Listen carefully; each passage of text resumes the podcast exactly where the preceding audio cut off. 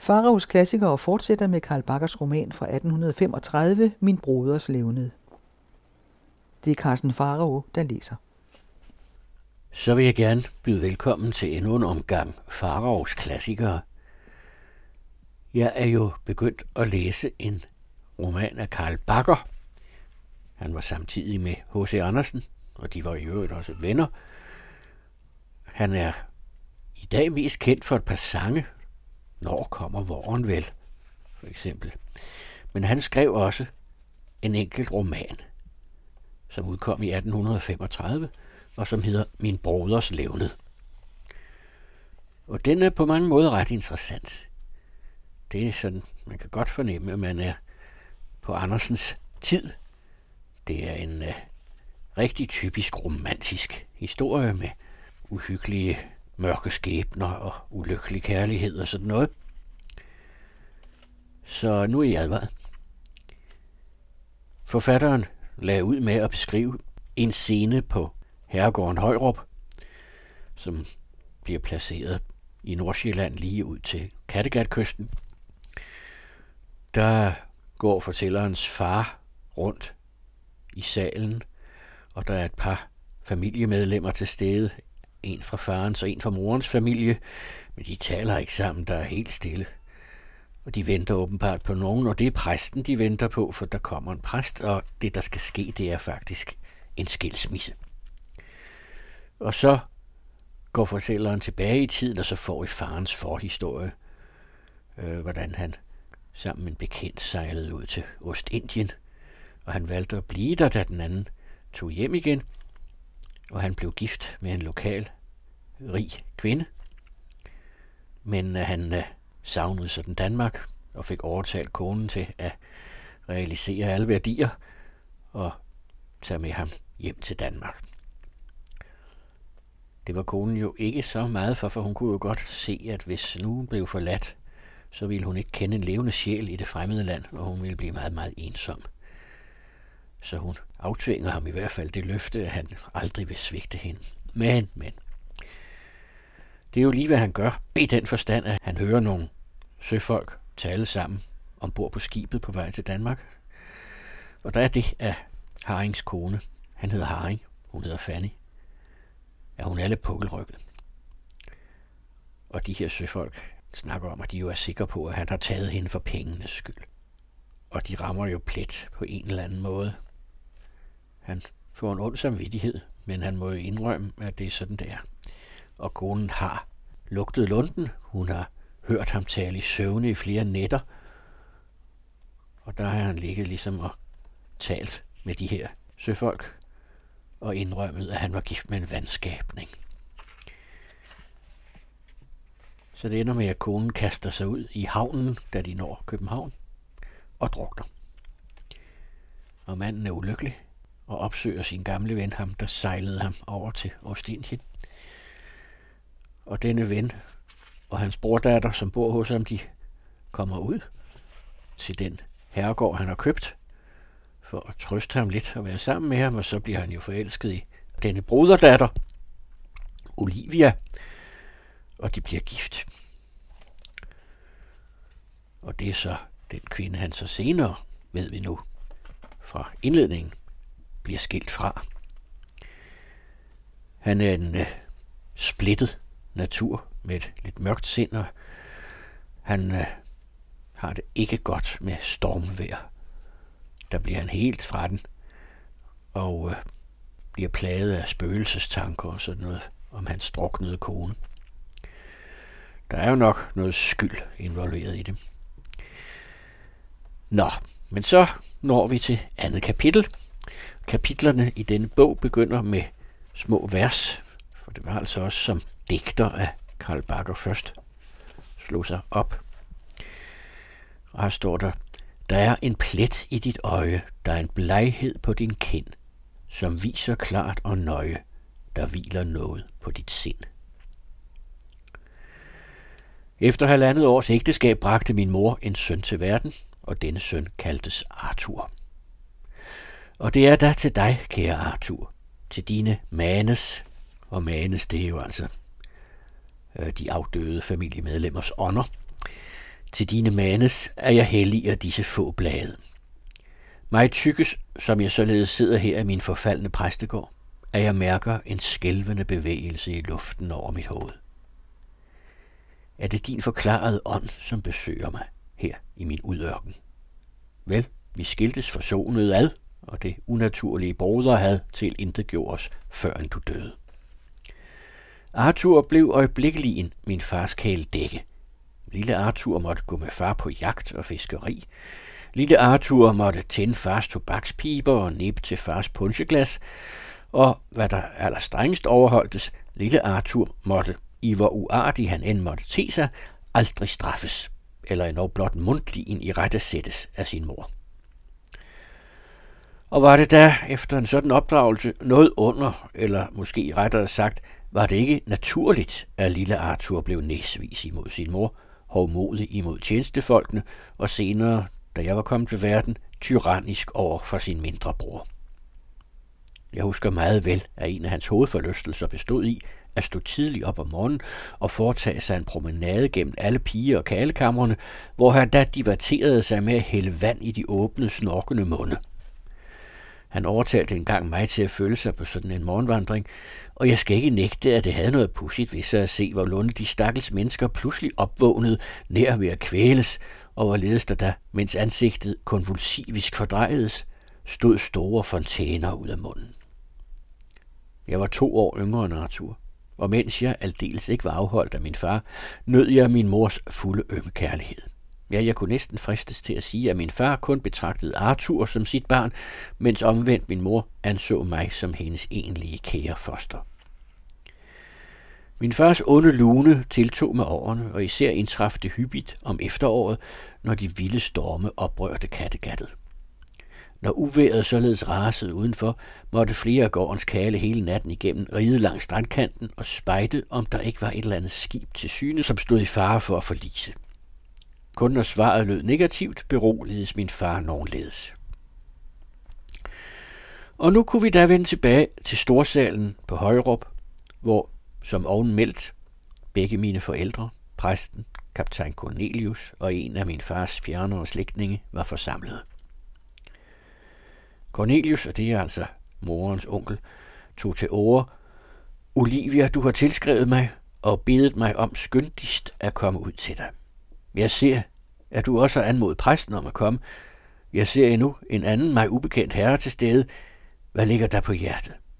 Til jeg håber, at hvad du ytrer i dit brev til mig, og hvad den erhverdige præst før i sin tale sigtede til, en skilsmisse, nej. Nej, Olivia, så vidt kan det da ikke være gået. Det er gået så vidt. Jeg kan ikke leve sammen med Haring, lød min mors svar. Og jeg kender Haring, råbte Cornelius noget forbitret.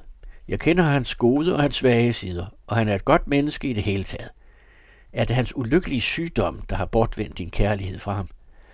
Den vidste du, at han plagede sig af dengang du ægtede ham. Det er din pligt at pleje ham, ikke at anklage ham. Jeg tør ikke, kære onkel, hulkede min mor. Jeg tør ikke leve sammen med ham. Min far havde hidtil stået tavs og spændt, men nu blev uroligheden synlig i hans ansigtstræk. Han blev dødbleg.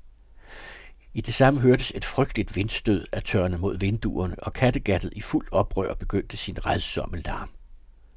Der så jeg, at min far skælvede og stirrede ængstligt udad mod stranden. Hvad mener de noget i fru, spurgte nu præsten, med det udtryk, de ikke turde. Ah, kvindepasjar, mumlede Cornelius. Der råbte min mor, lover mig alle I, der her er til stede, at hvad I nu hører, skal aldrig tiger komme over eders læber. Sværger det ved, hvad I hver især holder for helligst. Og de svor. Nu trådte min mor frem på gulvet. Hun holdt sig ikke længere fastklynget til Cornelius, men hendes væsen var frit og hendes holdning sikker, i det hun henvendte sig til min far. Haring, hvorfor frygter du stormen? Hvorfor er du ængstelig til mode, når Kattegat er i oprør? Din første kone styrtede ikke i søen, men hun blev styrtet, og den, der gjorde det, det var dig. En stum forfærdelse gennembævede de tilstedeværende. Min fars ansigtstræk vibrerede frygteligt. Du tilstod mig det den sidste stormfulde nat, vedblev min mor. Du tækkede mig først om at være tavs med din hemmelighed, men senere troede du mig med den samme skæbne. Du fortrød, at du havde betroet mig det, og du lagde hånd på mig. Se, onkel, sporene af voldsgærningen på min hals, og sig mig så, om du vil have, at jeg længere skal forblive her. Ikke et øjeblik, råbte Cornelius, i det han med redsel betragtede de blå pletter på min mors hvide hals. Lad min vogn forspænde. Du skal vende tilbage til mit hus. Forbandet ved jeg det øjeblik, da jeg fik det indfald at føre ham over til Ostindien. Der stirrede min far vildt om sig. Det mørke øjeblik trådte ind. Hvad? råbte han. Hvorfor går jeg i uniform, når der ingen krig er i landet? Det er ikke sandt, hvad du siger. Hun styrtede sig selv ud i søen. Men jeg har ingen fred på mig. Det er hele ulykken. Dybt i bølgen, der er koldt og sort, og hun har hvide klæder, ser du. De skinner igennem det mørke vand. Jeg var lidt hissig, men jeg styrtede mig jo selv bagefter for at frelse hende. Kan jeg gøre for, at jeg ikke fandt hende? Hvor er Arthur? Du skal lære at svømme, så kan din fjende ikke drukne dig. Er der kastede stormen sig imod bygningen. Der styrtede min far bevidstløs baglæns om, ligesom knust af vindstødet. Alle undtagen min fars slægtning fjernede sig, og tilberedelserne til afrejsen gik for sig. Spørgsmålet var nu blot, om hvor der skulle have børnene. Min bror og mig. Der kom min fars slægtning ind i stuen til os. Han havde det budskab til min mor, at min far var kommet sig, men var dog gået til sengs. Forresten lod han min mor sige, at hun selv skulle fastsætte, hvad hun ville have i penge om året. Han bad hende om tilgivelse og om ikke at dømme ham for hårdt. Han var aldeles enig med hende om, at der burde finde en skilsmisse sted. Han ville ikke selv risikere, at han i et mørkt moment, uden selv at vide af det, mishandlede hende. En ting bad han hende kun om. Det var at tillade ham at beholde Arthur. Han kunne ikke undvære drengen, og drengen ville selv helst blive hos sin far. I det samme åbnede døren, og Arthur stod for os. Han havde grædt, og det lød til, at han var meget opbragt. Stykke mor, råbte han. Slemme mor har gjort far for træd, så far er blevet syg. Og med dig, Johannes, henvendte han sig til mig, med dig skal jeg tale, når vi begge bliver store. Så vil jeg fægte med dig og skyde dig ihjel, fordi du ikke vil blive hos far. Og dermed slog han døren i, og vi hørte, hvorledes han løb op til fars værelse. Efter et kvarters forløb sad vi tre, Cornelius, min mor og jeg, i en vinervogn på rejsen til København. Min mor så aldrig mere det herlige Højrup, men jeg var der i fjor. Ejendommen er kommet i fremmede sender. Gården er malet op med hvide farver, før var den rød. De lange alléer af kastanjetræer er omhugne, buksbomhækkene til intetgjort, blomsterfloret uddødt. Kort, alt synes mig forandret undtagen de balstyrige Kattegat, der bulrede tæt uden for haven.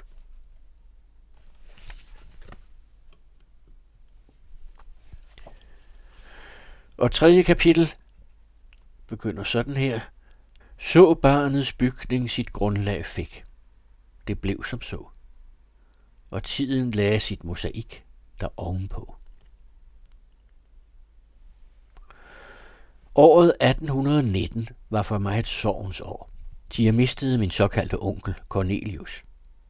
Hen imod vinteren blev jeg berøvet min far, og juleaften min mor. Natten efter den dag, da min mor var blevet begravet, havde jeg en redsom og en dejlig drøm. I den første synes mig, at jeg stod foran min mors kiste. At kisten vel var lukket, men at der var en firkantet åbning i låget, således at jeg kunne se hovedet og brystet på den døde, mens den øvrige del af lægemet skjultes af det sorte træ. Der tygtes mig af orme og utøj pludselig væltede ud af min mors fromme ansigt og af det fulde bryst. De opåd alt kødet, så til sidst kun bensystemet var til syne. Der begyndte dødningehovedet at nikke. Det rejste sig op. Snart kom de tynde arme ud af åbningen, og endelig stræbte hele skelettet med krummet ryg at hæve sig ud af det smalle hul. I det samme vågnede jeg, skælvende over hele læmet, og mit leje var drivvådt af angstens koldsved. Den anden natlige åbenbaring havde en mildere form. Mig synes, at døren åbnedes, og at min mor, forynget til en dejlig 20-års pige, i et blegrødt gevand, trådte ind i stuen. Hun havde en trearmet sølvlysesdag i hånden, og betragtede mig med et uendeligt vemodigt åsyn. Men efterhånden forandrede hendes ansigtstræk sig, og hun voksede så at sige dejlighed, og en herlig kvindelig skabning stod for mit blik. Hvad vil du mig? synes mig, at jeg råbte til hende. Eftertragt ikke, forekom det mig, hun svarede, hvad der aldrig kan tilhøre dig. Og hun satte sig ned ved mit leje, og en himmelsk musik strømmede ud af hendes mund, og som min digterkonge siger, han, hvem jeg senere lærte at kende, elsker og beundrer. Da var der ikke så meget af min far i mig, at jo min hele mor trådte i mit øje. Jeg græd. Og skikkelsen forsvandt, men den lever endnu i min erindring. Den viser sig endnu daglig for mit øje. Man har i mytologien ingen gudinde for vemod. Hende var det, jeg så hin nat, og hendes billede er ikke siden blevet fortrængt. Selv ikke af Kratzenstein Stubbs Halkione på det kongelige billedgalleri på Christiansborg. Drømmen selv oplevede jeg i virkeligheden for et par år siden. Kan det da undre dig, at jeg elsker den, var min tanke jævnligt væler ved den. Jeg og min bror fik straks en hoffer stadsretsprokurator til kurator. Det skønne Højrup solgtes. Hvad vort affald var, dengang ejendommen solgtes, ved jeg ikke, men det erfarede jeg, at min far havde lidt betydelige tab ved pengeomvæltningen i 1813. Som følge deraf blev min arvelod efter far og mor reduceret til 15.000 rigsbankdaler, men jeg havde særskilt arvet 5.000 daler efter onkel Cornelius. Årene ilte hurtigt hen, og jeg tog efterhånden første, anden og embedseksamen, den teologiske.